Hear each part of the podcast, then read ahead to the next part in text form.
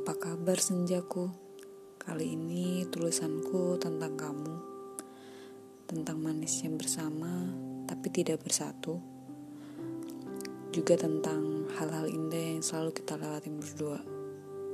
Kenalin, aku ini pengagum setia senjamu yang paling dekat. Kamu gak tahu kan selama ini aku menyimpan rasa yang terlalu dalam untuk kamu yang terlalu tidak mungkin. Atau mungkin kamu sudah tahu, tapi kamu sedang pura-pura tidak tahu agar aku tidak begitu sakit. Terserah bagaimana angin membawanya saja ya.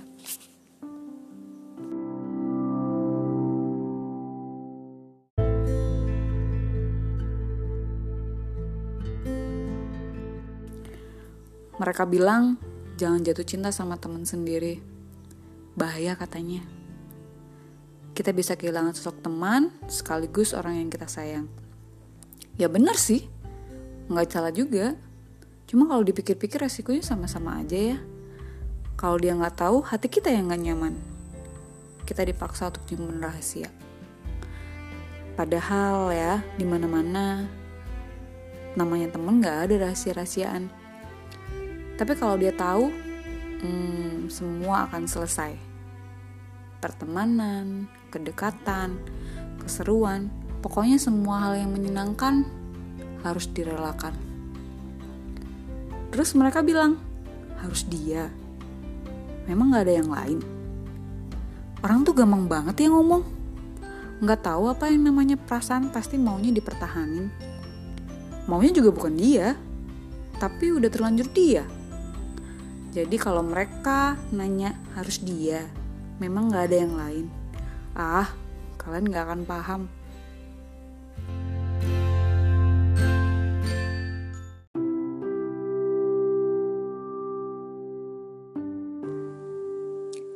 Mereka bilang, jangan jatuh cinta sama teman sendiri. Bahaya katanya. Bahayanya karena resiko yang ditanggung jauh lebih besar dari jatuh cinta pada umumnya. Awalnya masuk akal, sangat masuk logika kayak kalau kamu jatuh cinta sama teman sendiri tuh ya ya bagus kalau dia punya perasaan yang sama kalau nggak gimana kalau pertemanannya jadi hancur karena sosok teman yang diharapin malah jatuh cinta sama dia atau anggaplah ada yang saling punya perasaan yang sama tapi kan sesuatu yang selalu bersambung tetap ada aja akhirnya juga yang kita tahu jarang ya ada orang yang berteman, terus pacaran, terus ketika udah putus masih bisa temenan lagi kayak semula. Itu jarang banget. Gak semua orang bisa kayak gitu. Dulu awalnya bingung aja gitu. Kayak apa jatuh cinta sama teman sendiri itu segampang itu. Emangnya gak ada yang lain? Bingung, kok bisa temen yang seharusnya bisa terbuka bebas untuk sharing apa pun ke dia tanpa perlu ada rahasia-rahasiaan, somehow tumbuh rasa cinta yang mau gak mau bikin kita menyimpan sesuatu. Jadi gak sedikit kebohongan yang kita buat karena nutupin rahasia itu. Ya tapi alasannya kuat juga sih. Karena ngutarain persoalan hati sama orang yang gak deket sama kita lebih gampang ketimbang ngomong sama teman sendiri. Ya gimana gitu cara ngomongnya? Bingungnya di situ sih. Sampai pada satu waktu hal itu terjadi sama saya.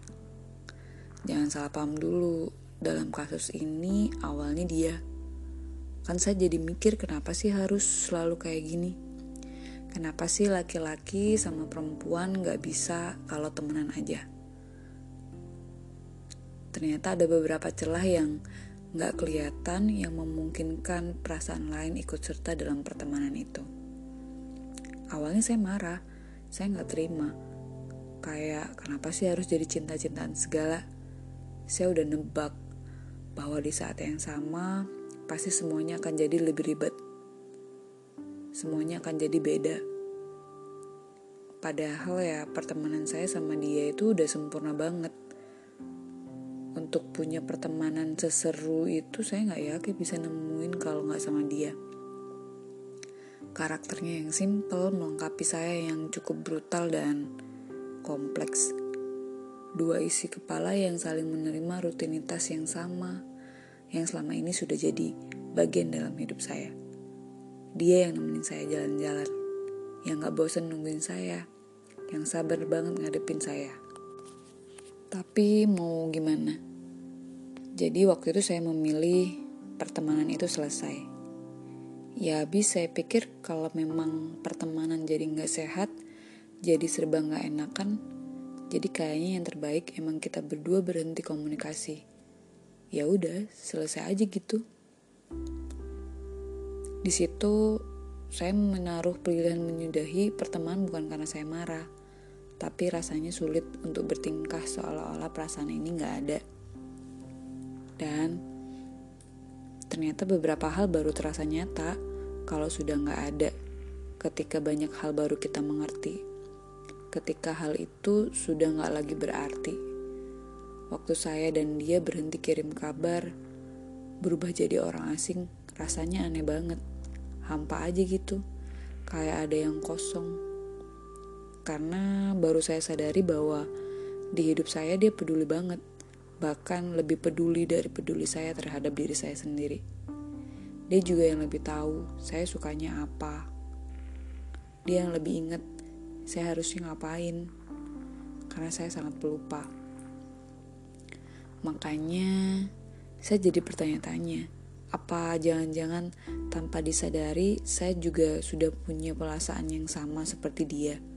Cuma sayanya aja yang terlalu penakut untuk mengakui keberadaan perasaan saya sendiri. Hal penting yang saya terima dari dia adalah bahwa ketika perempuan dan laki-laki berteman, pasti akan ada cinta di antara keduanya. Bahwa juga kenapa mudah untuk jatuh cinta dengan teman sendiri, karena jatuh cinta bukan dari kesempurnaan, tapi kenyamanan. Ada perasaan betah yang buat saya ngerasa Kayak saya nggak perlu ke mana-mana lagi gitu, cukup di dia aja. Makanya ketika dia mengakui perasaannya, saya marah. Saya marah karena membuat saya terpaksa menyangkal banyak hal. Saya marah karena hati saya benar untuk bilang bahwa tanpa sengaja sudah ikut sertakan segenap perasaan dalam sebuah perjalanan dua orang teman. Bukan karena dia sosok teman yang sempurna, bukan karena dia ideal, bukan karena dia yang terbaik, bukan karena saya yakin dia nggak bakalan nyakitin saya. Hmm, anyway, setelah lama tidak berjumpa dan bertemu, akhirnya saya bisa ketemu dan memulai pertemanan kembali.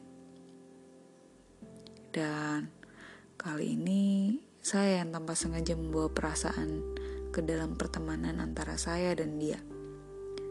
Kadang tuh ya, kita udah ngerasa ketemu sama seseorang yang perfect banget untuk jadi temen. Sosok temen yang sama dia tuh kita nggak perlu jadi orang lain. Kita bebas untuk cerita apa pun, bahkan hal buruk yang dunia aja nggak tahu, tapi begitu nyamannya kita sharing soal itu ke dia. Hmm, sulit memang sampai datang waktunya ketika saya menyampaikan semuanya. Bagaimana perlahan bentuk peduli itu berubah. Bagaimana perasaan saya yang lebih dari sekedar teman. Saya diam. Saya cuma bisa diam ketika isyarat dia bilang, "Ai, kita cuma punya dua pilihan sekarang. Aku mau nerima kehadiran perasaanmu yang baru atau kita sudahi semua di sini." Hmm, hanya diam. Karena saya ngerti kalau perasaan saya mungkin mengganggu dia.